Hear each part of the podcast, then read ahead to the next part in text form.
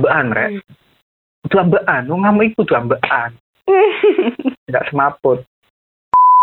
Oke halo guys selamat datang kembali di Rivo dan Tria Podcast. Yeay. podcastnya Arek Pasuruan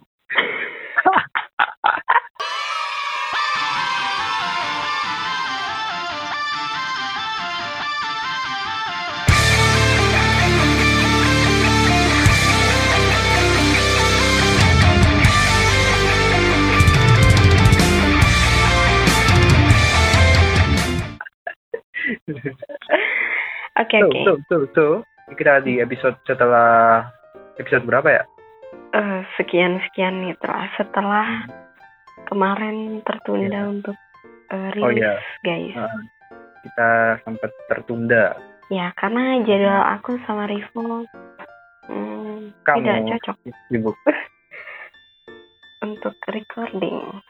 Oke. ya karena kemarin tuh kita sempat bertengkar guys Iya. dan sekarang eh, kita akan membahasnya di episode yang kali ini. Oke, di episode sebelumnya kan kita udah bahas nih tentang positive sentiment override. Kalau yang belum dengerin bisa di play lagi ya guys. oh iya yang ini. Yang covernya gambar mobil. Tuh guys. Oh iya, sentiment override Mm, enggak. iya. Ih, yang gambar mobil tuh yang macet-macet itu nggak sih? itu kan sentiment override positif Bukan itu tapi. jangan-jangan episode sebelumnya oh iya bukan oke lanjutin Oke, oke. Dari perasaan positif itu kan bisa ngurangin efek emosi kalian atau malah bisa mengurangi pertengkaran. Tapi pertengkaran itu pasti selalu ada kan.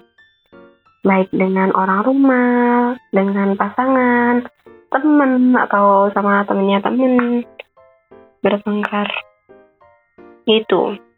gabut banget bertengkar sama temennya temen ngapain gak kenal Ya kali aja kenal. Nah guys, menurut ilmu psikologi, kalau kita sama sekali nggak pernah bertengkar sama orang terdekat kita, Mhm. artinya kita tidak lagi peduli. Wah, Dan biasanya berujung pada perpisahan. sedih. Ya. Farewell guys, farewell. Terus kalau kata align the button, Mm-mm. siapa? Align the button. Ya. Mencintai seseorang itu memang tidak akan bebas dari rasa frustasi. Aduh. Ya itu hal yang nggak bisa dihindari. Nah biasanya kita bertengkar Mencintai karena seseorang itu memang tidak akan insecure. bebas dari kalian. Biasanya kita bertengkar karena merasa insecure, tidak Mm-mm. dihargai atau merasa tidak dipedulikan. rasa kita ini hanya sampah. Kita ini tidak terlihat di mata dia gitu loh. Gitu ya? Iya kan? Enggak, enggak Terus respon juga. kita terus respon kita tuh biasanya saling menyalahkan. Teriak-teriak atau kalau bahasa ininya bengak-bengok, guys. Terus diam seribu bahasa. Hmm, Heeh. Jegedek boyo. kamu. Terus melengos menganggap dia tuh tak ada gitu loh. Pokoknya kayak lagi perang gitu deh. Kalian tahu kan Jerman, Inggris gitu kayak lagi perang gitu pokoknya. Jadi bisa saling Ah, menyerang gitu, deh. saling saling menyerang, me- saling Hmm. menjatuhkan satu sama lain. Tapi mungkin setelah kita teriak-teriak, melakukan emosi, kayaknya bisa bikin lega gitu ya. Emang iya? Padahal kamu nggak pernah kayak gitu nggak sih? Eh, aku teriak-teriak kalau dia embong. Enggak, kamu nggak pernah. Dah. Oh ya, menanggapi yang tadi, kalau benar-benar, eh, kalau kita benar-benar ngerasain apa yang terjadi di tubuh kita, sebenarnya tubuh kita tuh tersiksa. Jantung kita berdegup kencang, terus nafasnya pendek-pendek. Kita bisa sakit kepala juga nih, karena tekanan darahnya naik. Ini bisa bikin kita malah capek sendiri. Hmm, kamu capek sendiri. Ini aku kalau temen marah-marah kan capek capek berdua. bareng ya. ya. terus Makanya kita tuh perlu belajar bertengkar yang sehat dan konstruktif, guys. Nah. gimana tuh? Susah kan? Karena Hmm. adanya pertengkaran itu bisa membawa adanya perbaikan. Jadi pertengkaran itu bisa membawa perbaikan dan membuat kita jadi pribadi yang lebih baik lagi. Mm-mm. Hmm. Tapi kita harus menyadari dulu nih kalau nggak ada manusia yang sempurna. Nggak ada Oh, iya. gading, Gak nggak ada gading, nggak ada yang tak retak. Hmm. Nggak ada gading yang tak ya? Kamu nih, kamu serius aja. Nah kalau dia bikin kesel ya berarti aku juga bisa bikin dia kesel. Jadi jangan merasa paling sempurna dan gak bisa salah gitu. Kita harus sadar nih kalau seseorang akan jadi lebih kooperatif, lebih mau mengakui kesalahannya ketika dia tidak merasa diserang, dibenci atau dipojokkan. Nah, biasanya orang ini kalau marah langsung mengeluarkan kritik tapi dengan nada nyerang. Waduh, Lu gimana sih? Gitu. gitu ya nyerang.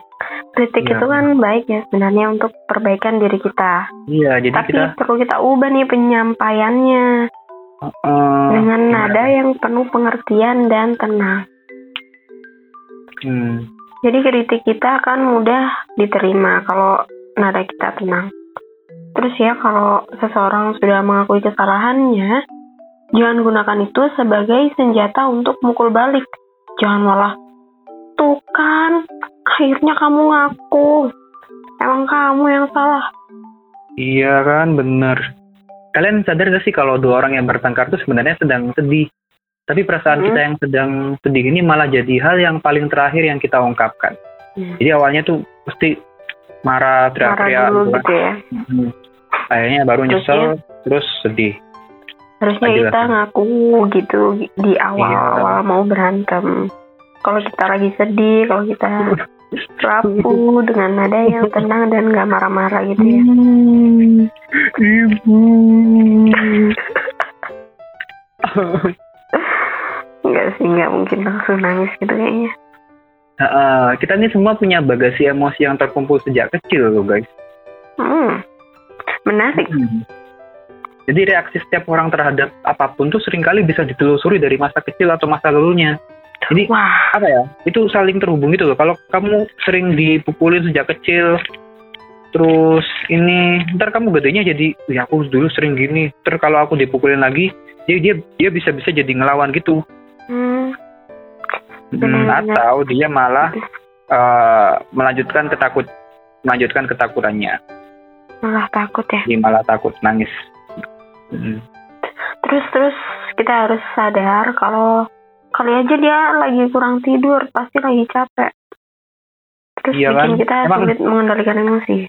Emang sih kalau orang kurang tidur tuh biasanya tuh bawaannya pengen marah ya. Pengalaman ya. Iya. Kalau orang Makanya kurang marah, bawaannya pengen tidur aja. tidak berlaku untuk vice versa. Makanya kita perlu bertengkar secara sehat untuk menciptakan hubungan dan hidup yang lebih baik dengan orang Aku tahu yang caranya kita bertengkar sayangi. secara sehat. Aku tahu caranya bertengkar secara sehat. Iya, gimana? Bertengkar Nah, kan sambil jadi- olahraga Skip. Atau bertengkar di rumah sakit, guys. Rumah sakit, sehat ya. Dia rumah sakit lah. Tapi rumah sakit soalnya. Nah, ini yang jadi pertanyaan. Gimana sih sebaiknya kita bersikap ketika lagi bertengkar? Oke, aku Rivo ada akan mendengarkan. Eh, Rivo akan mendengar. Rivo akan menjelaskan. Ya nih, aku ada tips-tipsnya. Jadi aku ada tujuh tips. Waduh, banyak banget nih. Sampai Waduh. dombler. Kenapa nggak disingkat aja, guys?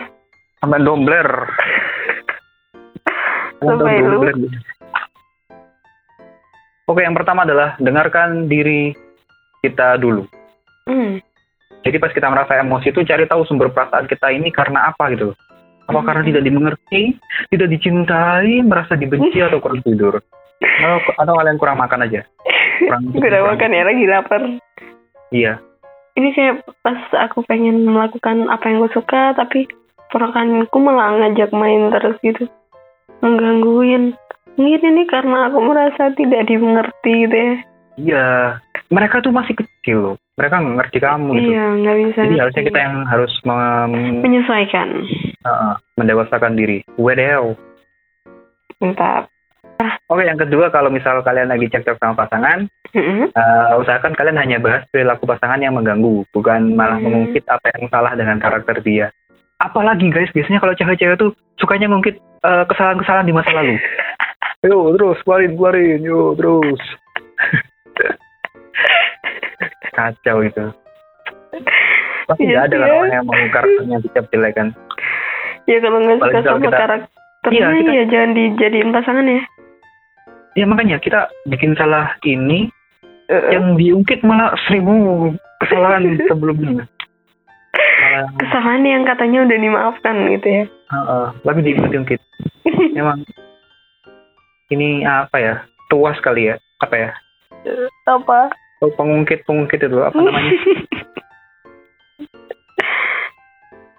Terus Ya, yang yang ketiga. oke. kita ketika ke ketiga ungkapkan yang kita rasakan dengan hati-hati dengan nada tenang. Kalau orang ngomong kayak ini kan jadi lebih mudah dipahami gitu. Oh, Daripada pas kalian banget sama kayak ngomong aku ya. Tenang gitu ya, Iya. say.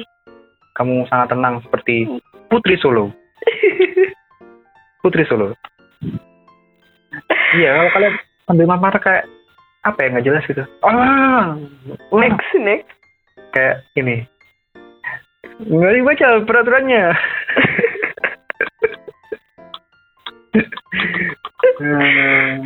Terus guys, yang keempat adalah hindari menggunakan kata kamu selalu atau kamu nggak pernah. Salah Kamu nada nih. pernah ngertiin aku. Kamu selalu. Kamu nggak pernah ngertiin perasaan aku. Iya. Kamu selalu menyakitiku. Kamu selalu mengulangi kesalahan yang sama. Iya. Karena kenyataannya tuh gak, gak kayak gitu gitu loh. Nggak selalu kan ya. Iya sih kalau emang kayak gitu ya kalian ucapkan. Jangan sungkan-sungkan untuk mengungkapkan. Gitu ya. Kalau emang dia sudah terjatuh ke dalam lubang yang sama, berarti kamu sah mengucapkan kamu selalu. Kalau ya, kalau tipsnya menghindari berarti kita mungkin harus mengganti kalimatnya gitu ya. Hmm. Kayak gimana? Jadi kayak gimana? jangan gunakan kata kamu itu di awal kalimat. Karena rasanya itu kayak menyerang kalau kamu nggak pernah itu kan kayak menyerang gitu. Oh iya. Jadi benar. misal dari kalimat kamu selalu ninggalin sampah. Gitu. Diganti jadi aku suka kalau sekitar kita itu bersih. Dan pasti Wow. itu bikin kamu juga nyaman. Gimana kalau ka- kamu selesai makan, sampahnya langsung kamu buang. Kan itu lebih tenang dan nggak menyerang. Iya benar. Gitu guys. Jadi nggak ganggu sekitar kalian guys. Apa sih ini berisik gitu. Hmm, ya. Terus yang kelima nih, kelima adalah mendengarkan. Nah, ini yang paling Hmm. susah menurut aku.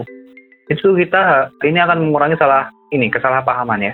Hmm. Karena biasanya pas berkonflik itu kita hanya mampu mendengar 10 detik atau kira-kira tiga kalimat. Habis itu enggak dan nyiapin kalimat balasan. Hmm. Mm-mm. Jadi kita cuma selama bertengkar tuh kita cuma mendengar 10 detik guys. Itu kayak kamu dengerin tuh kayak cuma gini. Oh, gitu. Ya? Soalnya kan pas marah-marah kan, jadi dengernya cuma itunya doang. Bener juga ya. Ini Iya, kayak perang. guna kamu dengerin kayak gitu. Iya terus nyiapin kalimat balasan tuh kayak perang gitu ya saling Hmm. berbalas. kita nggak sempat memikirkan kata balasan. Isinya udah kesalahan masa lalu. Ngantri, ngantri bos. Sorry bos, aku dulu bos. Tanggalnya juga nggak bos. Bener-bener. Oke, Next. guys, jadi kalian harus mendengarkan. Oke, aku lanjut lagi ya. Yang pertama dengerin diri sendiri, terus eh, hanya bahas perilaku pasangan yang mengganggu aja, nggak usah bahas yang lain-lain. Terus ungkapkan ungkapkan yang kita rasakan dengan hati-hati, jangan sampai eh, menyinggung perasaan. Terus yang keempat adalah menghindari kata-kata tertentu kayak tadi. Terus yang kelima ada mendengarkan. Mendengarkan ini penting menurut aku. Terus yang keenam adalah ambil jeda, ambaan, rek itu ambaan, wong ngamu iku tuh ambaan, tidak semaput. Bilang kalau kita lagi butuh jeda atau memisahkan diri gitu. Jadi misal kalian lagi berantem nih, Hmm. bentar, aku mau cari angin. Orang lagi berantem dia cari angin ya.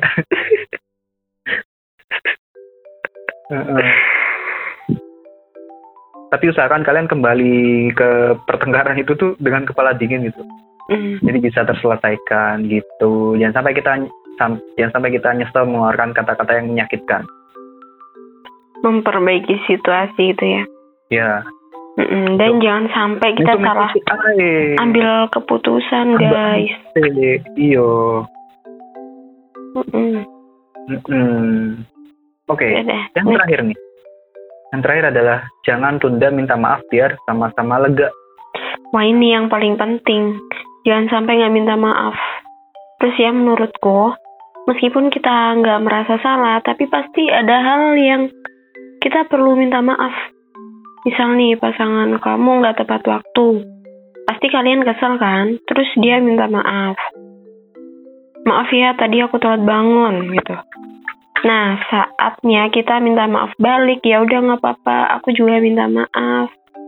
Harusnya aku bangunin kamu lebih pagi lagi.